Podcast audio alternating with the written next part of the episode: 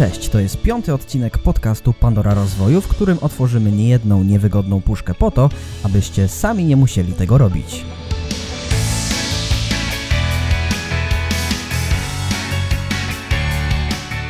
Dzisiaj porozmawiamy o tym, czy każdy może zostać mówcą, w jaki sposób radzić sobie ze stresem oraz skąd można się uczyć wystąpień publicznych.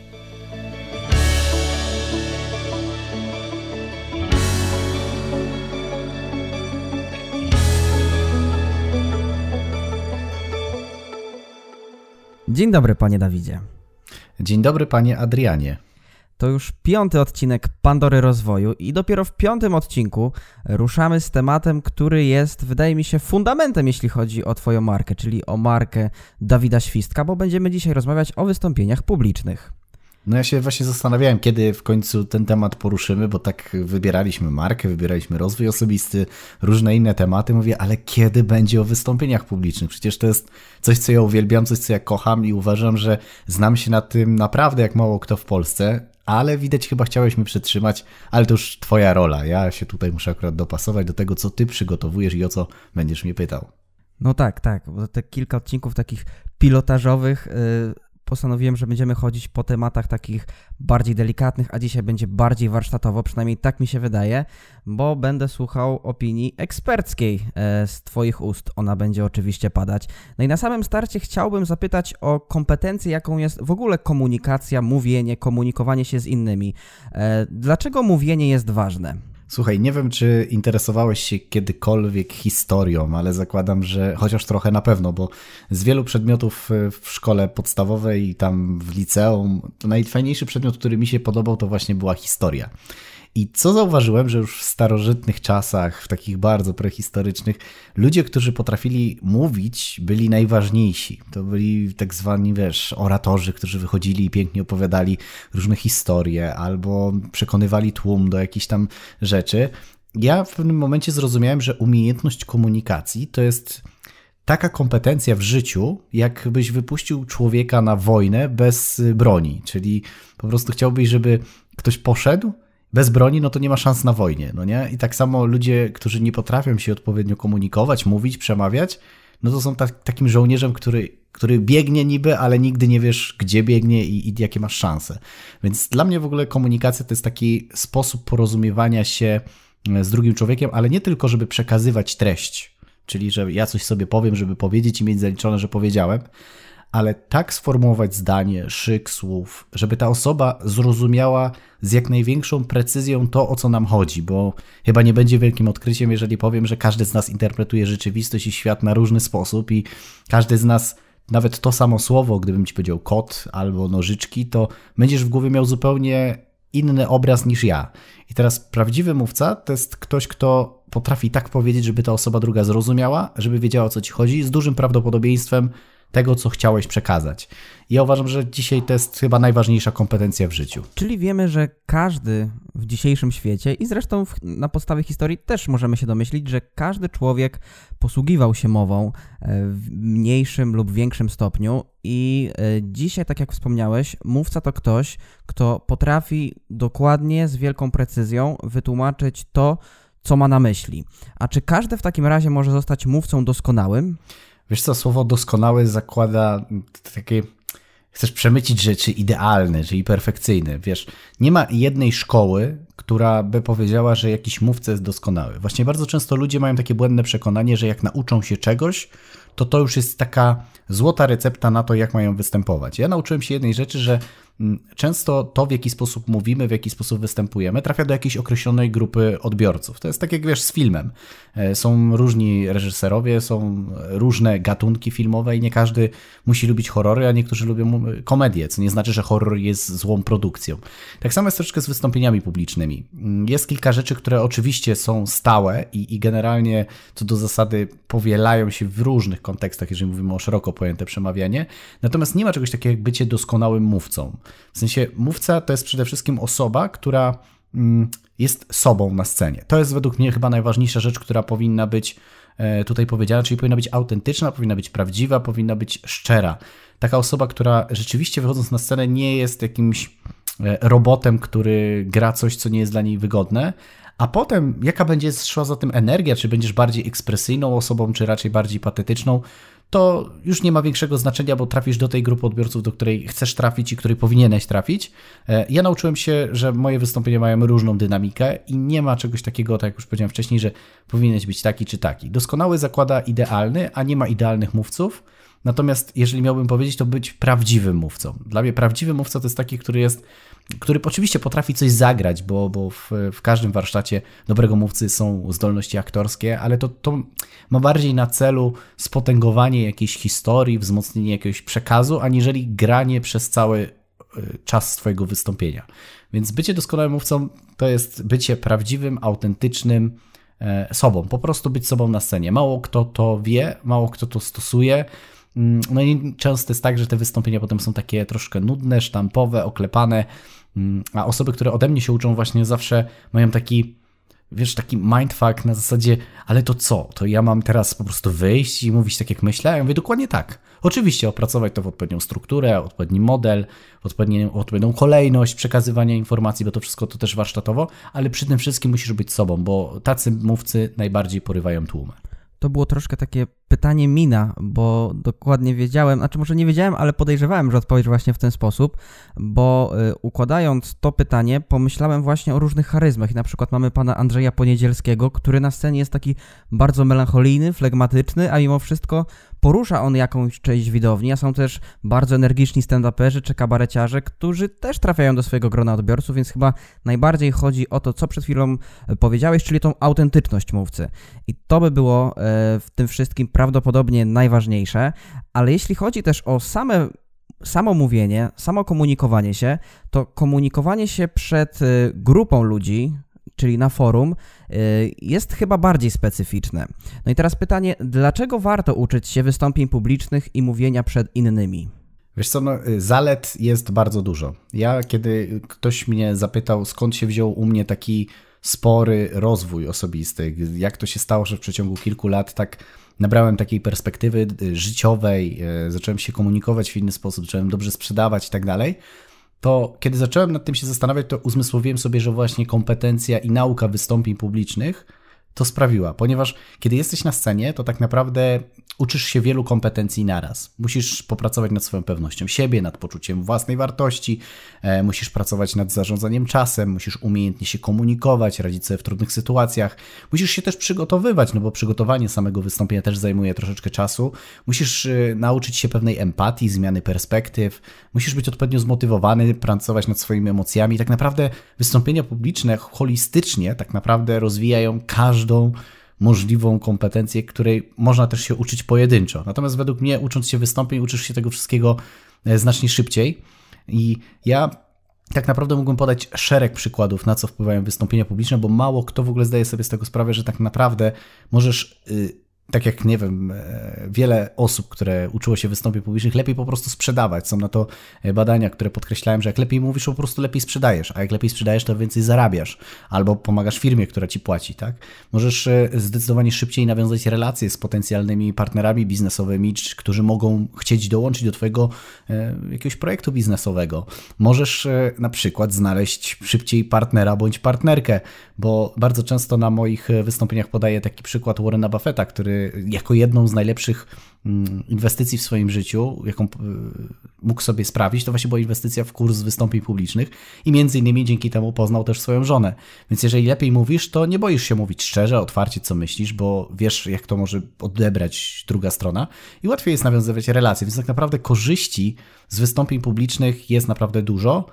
I zawsze na naszym podcaście poruszamy też tą drugą e, sferę, mm, taką jaka jest ciemna strona, bo mówimy o korzyściach, to akurat w przypadku wystąpień publicznych tych ciemnych stron jest mniej, aczkolwiek one też są i mam nadzieję, że o nie zapytasz. No właśnie teraz chciałem y, o nie zapytać, bo układając te pytania, też zastanawiałem się nad ciemnymi stronami, bo to nie jest tak, że ja wymyślam jak robot te pytania, tylko też myślę, w którą stronę ty możesz pójść i staram się to troszkę antycypować, twoje odpowiedzi, ale teraz kompletnie nie wiem, w co uderzysz, mówiąc o wadach, jeśli chodzi o uczenie się wystąpień publicznych.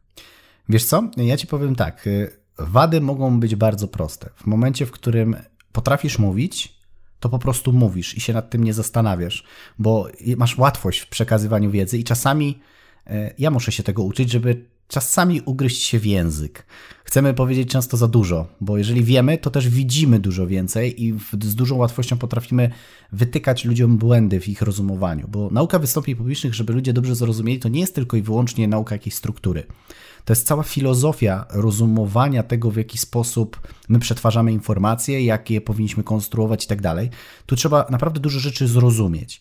I kiedy my to rozumiemy, a druga strona tego nie rozumie, to kiedy my z taką osobą rozmawiamy, zaczynamy się też troszeczkę irytować. Ja czasami tak miałem, szczególnie na samym początku, kiedy już naprawdę opanowałem na wysokim poziomie tą umiejętność komunikacji, czy szeroko pojętego przemawiania, że frustrowałem się bardzo szybko tym, że ludzie czegoś nie rozumieją, że oni sami nie potrafią czegoś powiedzieć w prosty sposób, tylko gdzieś próbują, kombinują, utrudniają to sobie.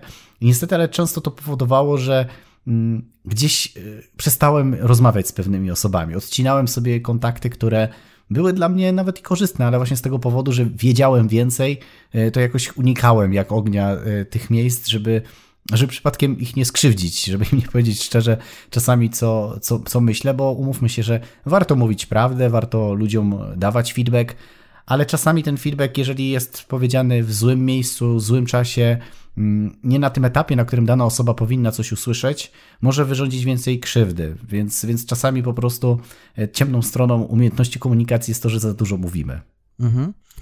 Teraz też wpadłem na taki pomysł, że w sumie ja nie jestem jakiś specjalistą od wystąpień publicznych, to od razu tutaj mówię, ale troszkę gdzieś w tym temacie też się tam kręciłem, edukowałem. Ja zauważyłem u siebie, że mam coś takiego, że zbytnio analizuję, czy to swoje wypowiedzi, to co powiedziałem, czy było dobre, spójne, czy było odpowiednio gramatyczne, czy nie popełniłem jakiegoś błędu składniowego, czy moja dykcja jest wystarczająca, a wiem, że nie jest. Więc to też poszedłem troszkę w drugą stronę, taka e, samoświadomość w tym przypadku jest troszkę moim negatywem, bo przez to ja bardziej to analizuję. Nie wiem, no czy... wiesz, to jest tak jak, to jest tak jakbyś wziął sobie jakiegoś tam e, kolegę z osiedla i wziąłbyś taką e, Miss Brazylii i zadałbyś e, pytanie, kto ma więcej kompleksów? Czy twój kolega, czy, czy raczej ta Miss? No z całą pewnością ta Miss, bo ona doskonale wie, jak dużo wad może mieć w swoim wyglądzie, jeżeli dba o najmniejsze szczegóły.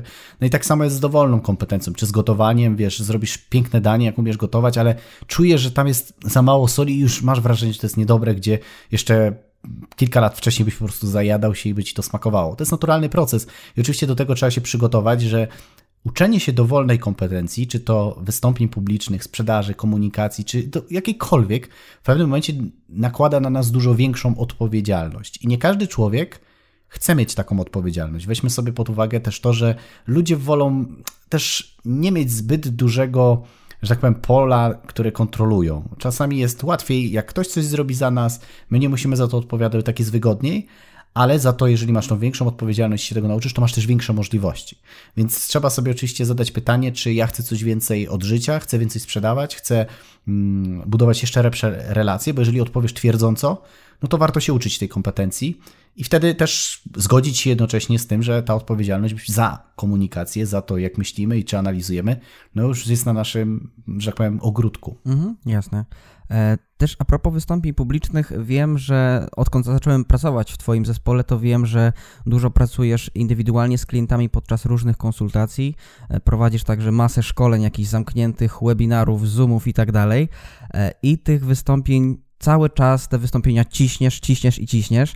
No i chciałem zapytać yy, Ciebie, oczywiście z perspektywy eksperta, co jest największą barierą wśród Polaków, jeśli chodzi o wystąpienia publiczne? Jeśli chodzi o samo przemawianie, ale też jeśli chodzi o naukę takich wystąpień? Wiesz co, przede wszystkim mindset. To jest, to jest chyba najbardziej kluczowa rzecz, nad którą ja pracuję na samym początku, czyli w ogóle zrozumienie, czym te wystąpienia są, bo wielu ludziom się wydaje i pewnie tu są słuchacze, e, którzy, a ja tam pewnie świetnie występuję publicznie, ja to pewnie wszystko wiem, bo już tam przeczytałem jakąś książkę, albo byłem na jakimś tam jednym kursie, a 99,9% osób przychodzące do mnie na konsultacje nie ma podstaw nie ma podstaw, które sprawiają, że oni rzeczywiście potrafią robić skuteczne, efektywne, fajne i ciekawe wystąpienia publiczne. I to jest w ogóle zaskakujące, że zawsze zaczynam od mindsetu, a nie od narzędzi. Ja kiedy robię warsztaty, to wiem, że nawet jakbym dał ludziom genialne strategie, jak ułożyć według najlepszej możliwej struktury wystąpienie, które na pewno będzie dobrze ocenione przez publiczność, to nawet jeżeli nie, nie ma tego mindsetu, to nikt tego nie zastosuje. I wiesz, to jest takie porównanie, ja mam przynajmniej jak na samym początku uczyłem się kiedyś hipnozy. Niewiele osób wie, ale, ale też uczyłem się hipnozy i, i byłem na kursach i zawsze hipnoza kojarzyła mi się z takim jakimś wahadełkiem, czarną magią, w ogóle niekontrolowaniem siebie. I dopiero na kursie uświadomiono mi, że to jest jakiś stan naszej świadomości, który on naturalnie występuje i, i wiesz, i to nie jest tak, że to nie ma albo że nie możesz kontrolować. Oczywiście są różne poziomy i dopiero kiedy zobaczyłem, to wtedy zacząłem uczyć się tego i wydało mi się to ciekawe. I często właśnie tak ludziom się wydaje, że wystąpienia publiczne to jest takie właśnie wahadełko, że to jest coś takiego magicznego i że jedni potrafią, a, a nikt inny nie może się tego nauczyć.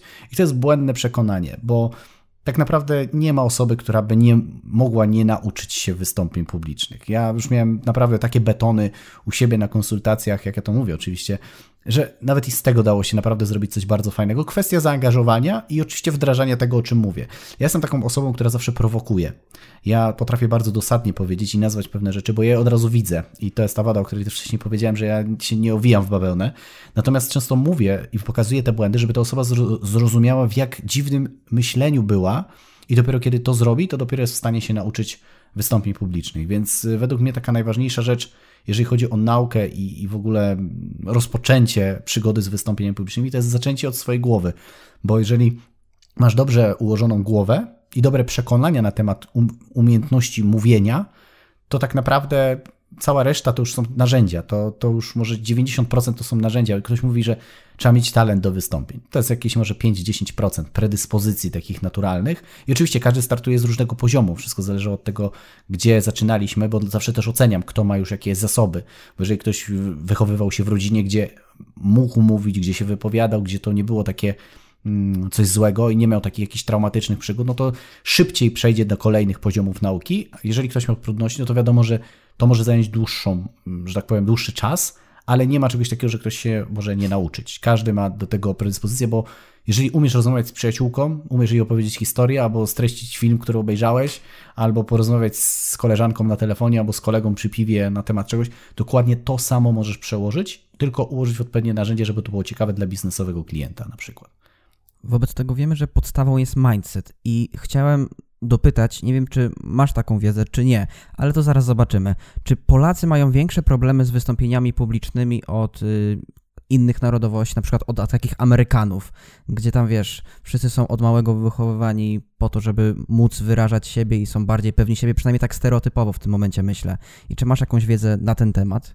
Wiesz co, nie mam takiej stuprocentowej wiedzy, bo nie analizuję aż tak bardzo innych krajów, bo ja jestem Polakiem i znajduję się w Polsce. Oczywiście jak gdzieś tam e, rozmawiam sobie z osobami z zagranicy, to mniej więcej wiem, jakie mogą być kotwice socjalne i tak dalej. Natomiast e, to, co powiedziałeś, to jest bardzo istotne, że tam e, młodzi ludzie są troszeczkę inaczej wychowywani i oni mają ten taki background mindsetowy, że warto mówić otwarcie. Oczywiście też nie jest u każdej rodziny amerykańskiej, więc też nie ma co generalizować, ale jednak w szkole jest dużo więcej więcej możliwości, że te dzieci jednak się wypowiadają, że ich zdanie jest istotne. Mm, I tam jest w ogóle taki troszeczkę inny mindset na zasadzie dream big, wiesz, i tak dalej. I to powoduje, że jest łatwiej się uczyć narzędzi. U nas w Polsce niestety mówienie, wiesz, Kiedyś to było takie powiedzenie, nie wiem czy dalej jest, czy się mówi, że dzieci ryby głosu nie mają i że nie możesz po prostu nic powiedzieć i się nie, wiesz, przy dorosłych po prostu nie odzywaj, nie mów swojego zdania, nawet jeżeli chciałeś się coś wypowiedzieć. Ja nie miałem jakichś takich traumatycznych przeżyć w dzieciństwie, że nie mogłem nic powiedzieć, bo ja zawsze dużo gadałem i nawet jak mi nie mówiono, że mam nie mówić, to i tak mówiłem. Natomiast dużo Polaków ma z tym bardzo duży problem. W sensie część, część osób ma nawet takie, e, jak ja to mówię, mechanizmy obronne, że na przykład dużo mówią, ale nie to, co by chcieli mówić, ale mówią tak, jak uważają, że będą zaakceptowani. I to też jest e, niestety zła droga, bo, bo to też krzywdzi ich samych, czyli oni na zewnątrz pokazują, że są fajni, że są uśmiechnięci, ale w głębi duszy wszystko ich gryzie. Czyli tak jakbyś miał sweter, który na zewnątrz ładnie wygląda, ale wszystko ci swędzi, nie? że wszystko w nim jest takie jak że, że, nie czujesz się dobrze w tej skórze. I, I, jednak w innych krajach może być łatwiej, w innych mniej.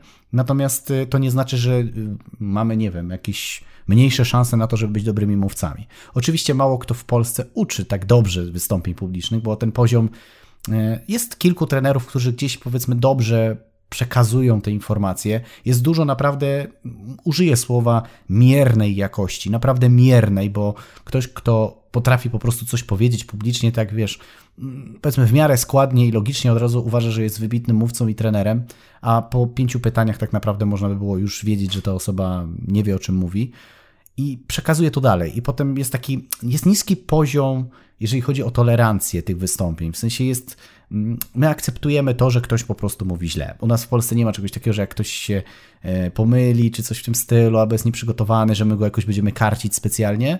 E, w sensie nie karcimy generalnie, ale że nie mamy też wymagań co do mówców. Bo jakby były wymagania, to inne osoby z różnych branż też szkoliłyby się, żeby robić to lepiej. A byłem na wielu różnych takich, wiesz, bankietach, nie wiem, prawniczych, czy jakichś takich miejscach, gdzie występowały osoby, które odbierały, powiedzmy, nagrodę.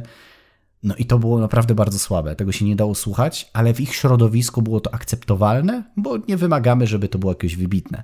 W innych e, krajach, na przykład w Stanach, no jednak już jak ktoś wychodzi, odbiera nagrodę, to zawsze starają się to robić w taki fajny, ciekawy sposób. Oczywiście nie wszędzie, ale, ale jednak mają takie wymagania, że jak już się mówi, to trzeba to powiedzieć w jakiś ładny sposób i nawet jak nasz prezydent wygłasza jakiś, jakąś mowę, no to po prostu prezydent coś mówi.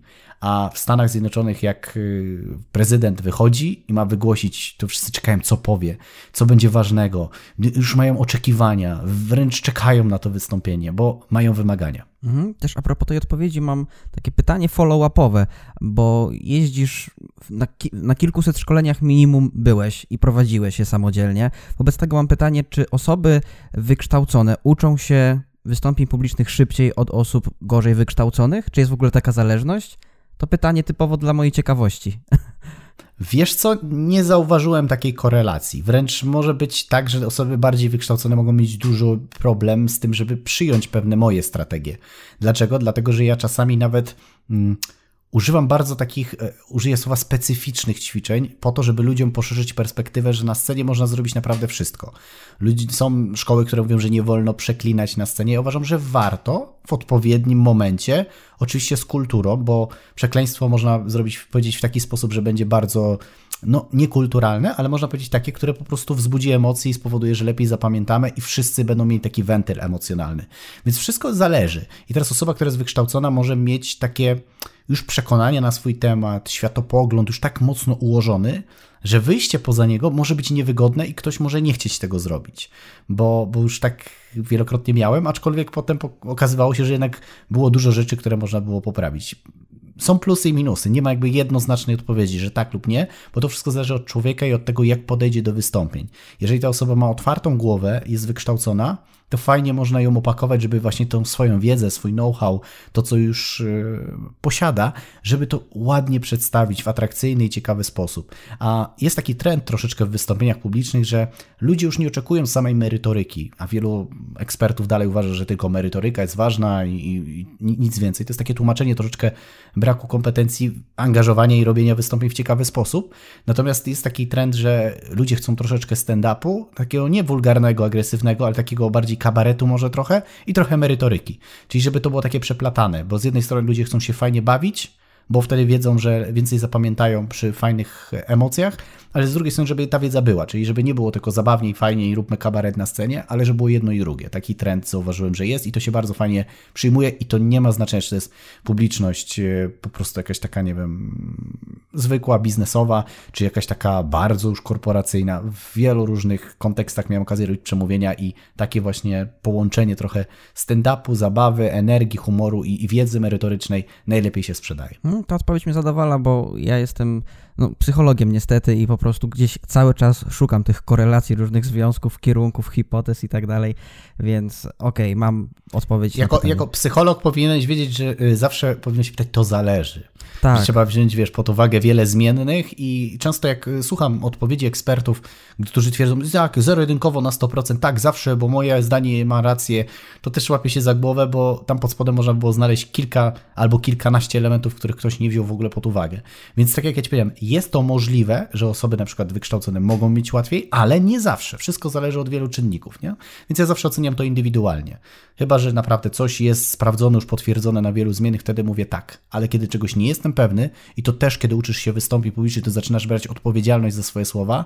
Jeżeli nie sprawdziłeś wszystkiego dokładnie, a ciężko jest zawsze wszystko sprawdzić, to nie mów, że tak zawsze i wszędzie będzie. A niestety wielu ekspertów, czy guru, czy mówców uważa, że to, co mówią, zawsze jest święte i powinno się tak robić, bez względu na wszystkie inne elementy. No tak, należy pamiętać, że świat zero-jedynkowy nie jest takie coś tylko w informatyce, e, a to jest piąty odcinek podcastu Pandora Rozwoju i myślę, że w tym momencie słuchacze czekają na jakieś konkretne jedno narzędzie, które poleci Dawid Świstek, jeśli chodzi o naukę wystąpień publicznych, bo wiemy przede wszystkim, że chodzi o mindset. A gdybyś mógł jedno takie narzędzie, jakieś warsztatowe, dzięki któremu e, uczestnicy, albo raczej słuchacze, którzy słuchają nas w tym momencie, będą mogli choć trochę udoskonalić e, swoje umiejętności, swoje kompetencje komunikacyjne, chociaż wiem, że mimo wszystko, kiedy opowiesz o tym narzędziu w podcaście, to to wiele raczej nie zmieni, ale chciałbym też troszkę dla siebie coś wyciągnąć i dla tych, którzy też chcą takiej praktycznej, pragmatycznej, warsztatowej rady.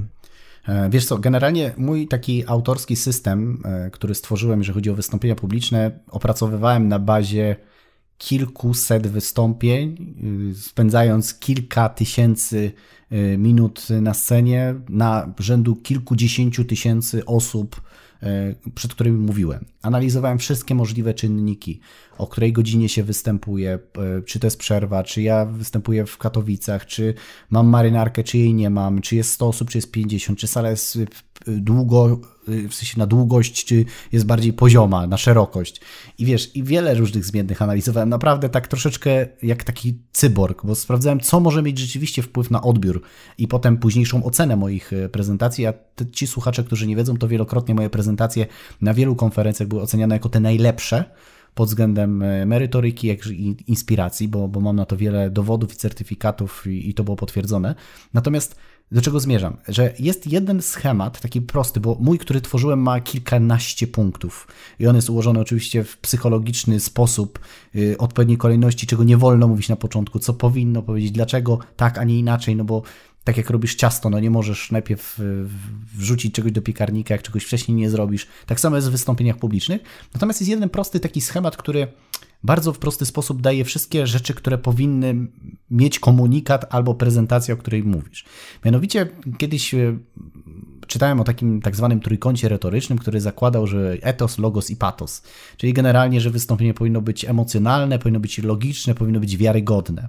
I teraz, kiedy mówimy o takich trzech kluczowych elementach, to ja wymyśliłem sobie taki schemat przekazywania treści, który opiera się na trzech elementach, które muszą się zdarzyć, żeby treść była zrozumiana, czyli żeby była wiarygodna i logiczna, żeby była emocjonalna i żeby dawała tą taką wartość, którą my chcemy przekazać.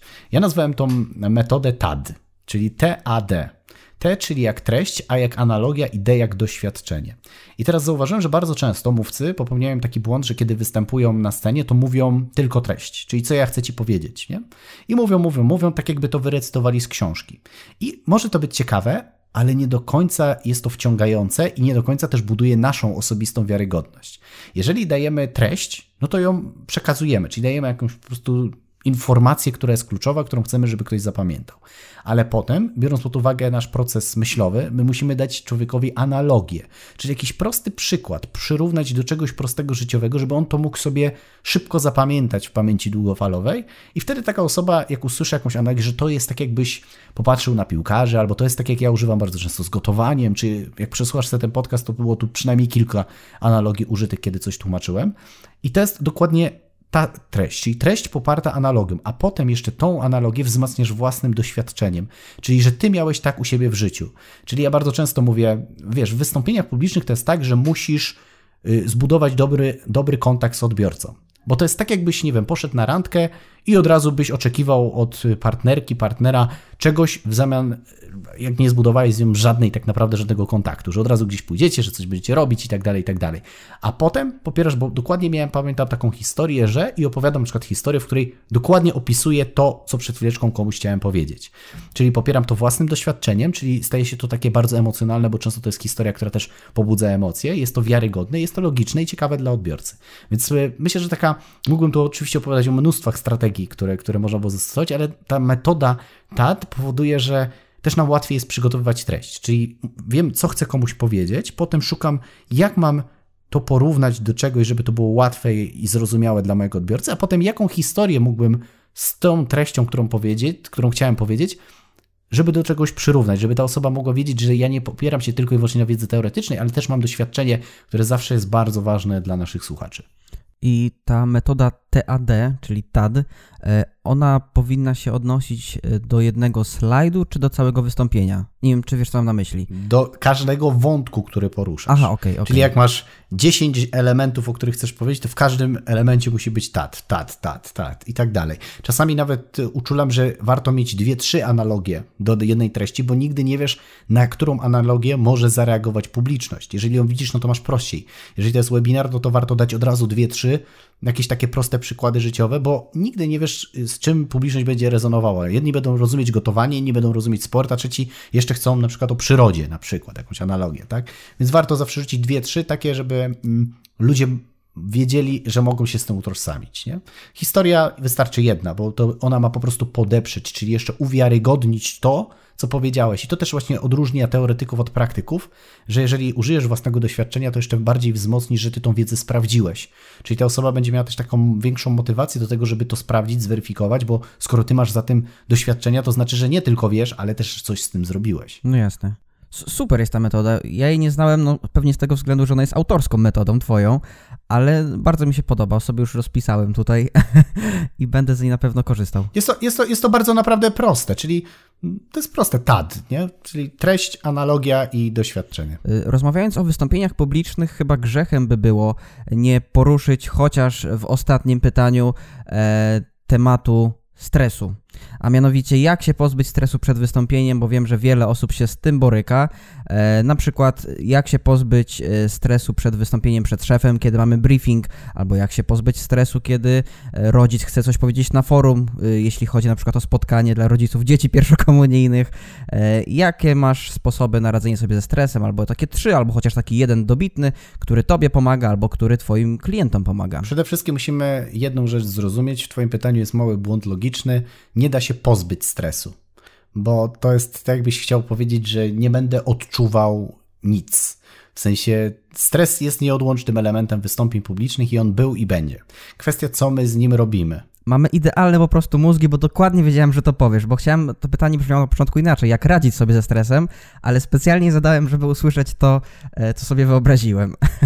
No widzisz, jednak cieszę się, że akurat na tej samej fali nadajemy, bo często jest tak, przyjdź do mnie, a ja cię nauczę, jak pokonać stres. To samo w ogóle słowo pokonać już nakłada do ciebie dodatkowy stres, że musisz z czymś walczyć. Więc paradoksalnie chcesz usunąć stres, a uruchamiasz stres, bo musisz walczyć, więc sama walka jest już stresująca przede wszystkim. I to, to już jest w ogóle błędne podejście do, do rozumowania z emocjami. Bardzo często powtarzam ludziom, że nie ma czegoś takiego jak złe emocje. Mogą być co najwyżej lekko niekorzystne albo bardziej korzystne w jakiejś sytuacji, bo stres sam w sobie on nie jest niczym złym. Bo gdybyśmy się nie stresowali, to robilibyśmy czasami różne głupie rzeczy, a są ludzie, którzy na przykład płacą za to, żeby się stresować. I to jest też y, to, żeby zrozumieć, że stres jest swego rodzaju emocją, jest po prostu jakąś energią i, i niekoniecznie korzystną, powiedzmy, na scenie, aczkolwiek może stymulować, bo mnie na przykład stres bardzo mocno stymuluje, adrenalina pobudza do tego, żeby się jeszcze lepiej przygotowywać, bo jeżeli kiedyś przestanę się w ogóle stresować, to chyba przestanę występować, tak, tak sądzę. Natomiast y, co do zasady, trzeba zrozumieć, skąd on się bierze. Y, to jest tak, jak robimy coś nowego i musimy się do tego przyzwyczaić, musimy się z czymś oswoić. Ja teraz mam małego psa i widzę, że dla niego wszystko to, co się dzieje w otoczeniu, jest czymś nowym. On wszystko musi powąchać, podotykać, i jeżeli dałbym mu od razu coś na niego rzucić, ten pies by się wystraszył, bo czegoś nie zna. Tak troszeczkę z naszym mózgiem. Mózg, który wchodzi na scenę, no to mózg nie rozumie czegoś takiego, że ja chcę teraz zrobić dobre wystąpienie publiczne i mi jest tutaj fajnie i komfortowo i ja się teraz nie będę stresował. Mózg patrzy troszkę w bardziej taki łopatologiczny sposób. Widzi ciebie solo, a naprzeciwko ciebie na przykład 200 osób, samic i samców. No i teraz instynkt, naturalnie rzecz biorąc, będzie uruchamiał takie bodźce, które mają cię ochronić. Gdyby ktoś się na ciebie rzucił, gdyby coś się stało, no jesteś ty jeden, a przed tobą jest dużo osób, więc z siłą rzeczy energetycznie tam jest dużo więcej e, rzeczy, aniżeli obok ciebie. Więc twój mózg robi to po prostu z poczucia pewnej ochrony. Jeżeli wiesz, że mózg cię ochrania, no to też nie chcesz z nim walczyć, tylko bardziej starasz się przekonwertować tą energię w coś innego. Oczywiście jest wiele metod zmiany, skupienia i tak dalej, natomiast nigdy nie zeliminujesz tego tak do całkowitego zera.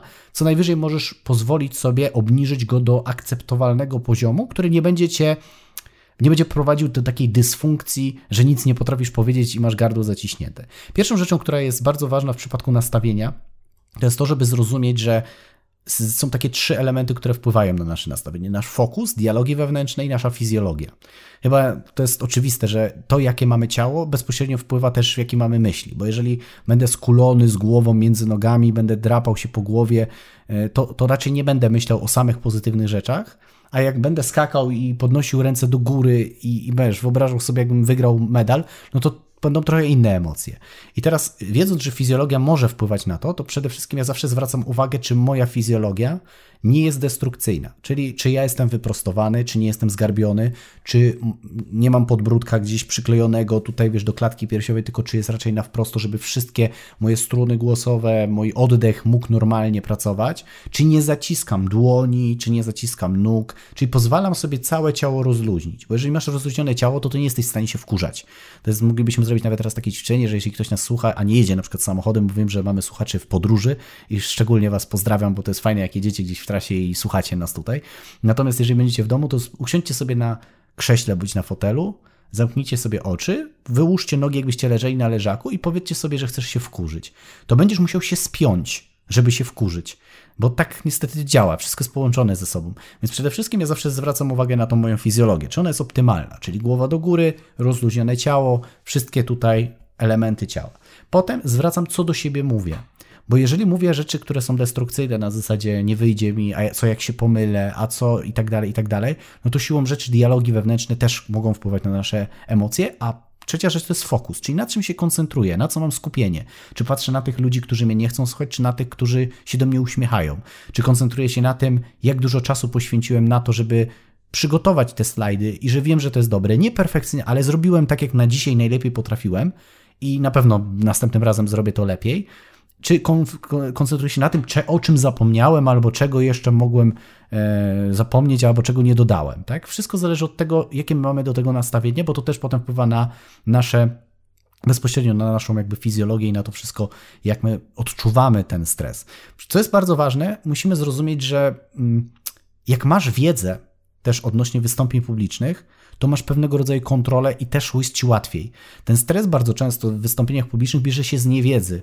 To jest tak, jak ja bym miał dzisiaj wejść e, do Masterchefa i dostałbym, dostałbym jakąś rybę, bo oni tam często dostają, wiecie, jakieś, używam, zwróćcie uwagę, analogii.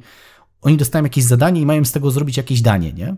I ja, nie mając wiedzy, no mógłbym kombinować, bym się stresował, bo nie mam wiedzy, co z tym zrobić. Ale w momencie, kiedy bym dostał produkty, z których już coś ugotowałem, to ten stres byłby mniejszy, bo wiedziałbym, co z tym zrobić. Więc często też ludzie, którzy wchodzą na scenę, przygotowują jakieś prezentacje i oni niby wiedzą, o czym mówią, ale nie mają pewności, czy to jest dobrze przygotowane pod względem strukturalnym. I tu wracamy, dlaczego warto się tego uczyć. Bo jak masz wiedzę, jak zrobić to w odpowiedniej kolejności, to się tym tak nie stresujesz, bo wiesz, jak to powinno być zrobione, tak? Ja wiem, że gdybym, e, grając na przykład w piłkę z, nie wiem, z kolegami na osiedlu, Lubię grać w piłkę i się nie stresuję, ale gdybym miał wejść i zagrać w reprezentacji Polski dzisiaj mecz, nie wiedząc jaką mają taktykę, to bym się stresował, bo nie wiem. Zawsze ten stres bierze się z czegoś, czego nie znamy.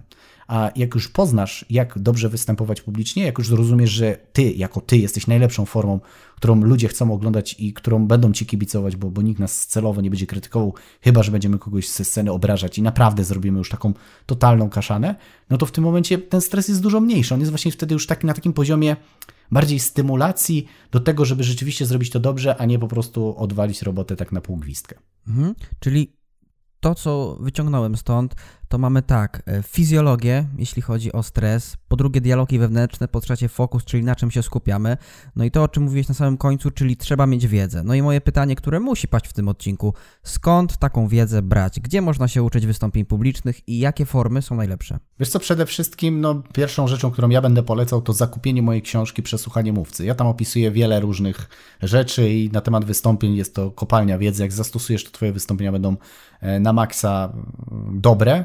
Mamy też, y, prowadzę tak zwany klub profesjonalnego speakera, gdzie to jest taki roczny dostęp do akademii, gdzie jest platforma VOD, gdzie mamy kursy, spotkania z ekspertami, wzajemnie ćwiczymy na zamkniętych Zoomach nasze wystąpienia, więc też jest klub profesjonalnego speakera, ewentualnie indywidualne konsultacje, czyli po prostu można się do mnie zgłosić. Więc ja uważam, że warto uczyć się, przede wszystkim szukać różnych źródeł, ale też praktykować, czyli dawać sobie po prostu możliwość ćwiczenia. Ja jeszcze a propos tego... Mm, tego stresu tak teraz mi wpadło do głowy, że warto by było też ludziom pokazać jeszcze jedną fajną metodę, która jest bardzo szybka, Mianowicie e, pewnie kojarzy warunkowanie klasyczne, czyli jeżeli mamy jakiś bodziec, który jest połączony z pozytywną energią, z pozytywną emocją, jeżeli on występuje, to nam się automatycznie pewne emocje mogą uruchamiać.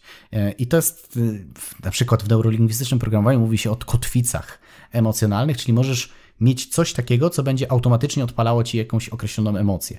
I ja jako mówca, mogę zdradzić sekret, mam przynajmniej kilkanaście kotwic, które regularnie sobie odpalam w trakcie wystąpienia, jeżeli potrzebuję więcej określonej emocji. Czyli na przykład jeżeli mam etap wystąpienia, gdzie chciałbym moją publiczność sprowadzić do refleksji i potrzebuję mieć bardziej taki stonowany, bardziej mm, uspokojony ton głosu i żeby moje emocje nie były zbyt gwałtowne, zbyt energiczne, to uruchamiam sobie kotwicę taką, która mi pozwala wejść bardziej w ten stan. Jeżeli mam etap, gdzie chciałbym ludzi już zmotywować do czegoś, albo kończę i chciałbym z mocnym akcentem gdzieś powiedzmy coś zakończyć, to wtedy uruchamiam sobie kotwicę, która pobudza u mnie te emocje, które są bardziej korzystne akurat w tym elemencie, który chcę zrobić. I to się robi w bardzo prosty sposób, mianowicie możemy sobie jakiś gest nawet wymyślić, zaciśnięcie pięści, mm, dociśnięcie kostki, wykonanie jakiegoś gestu, który będzie nam przypominał o czymś, bo na przykład jeżeli masz kogoś, kto pachnie w określony sposób i nie widzisz tej osoby przez lata i ktoś przejdzie z tym perfumem, to automatycznie odpalają ci się emocje związane z tą osobą.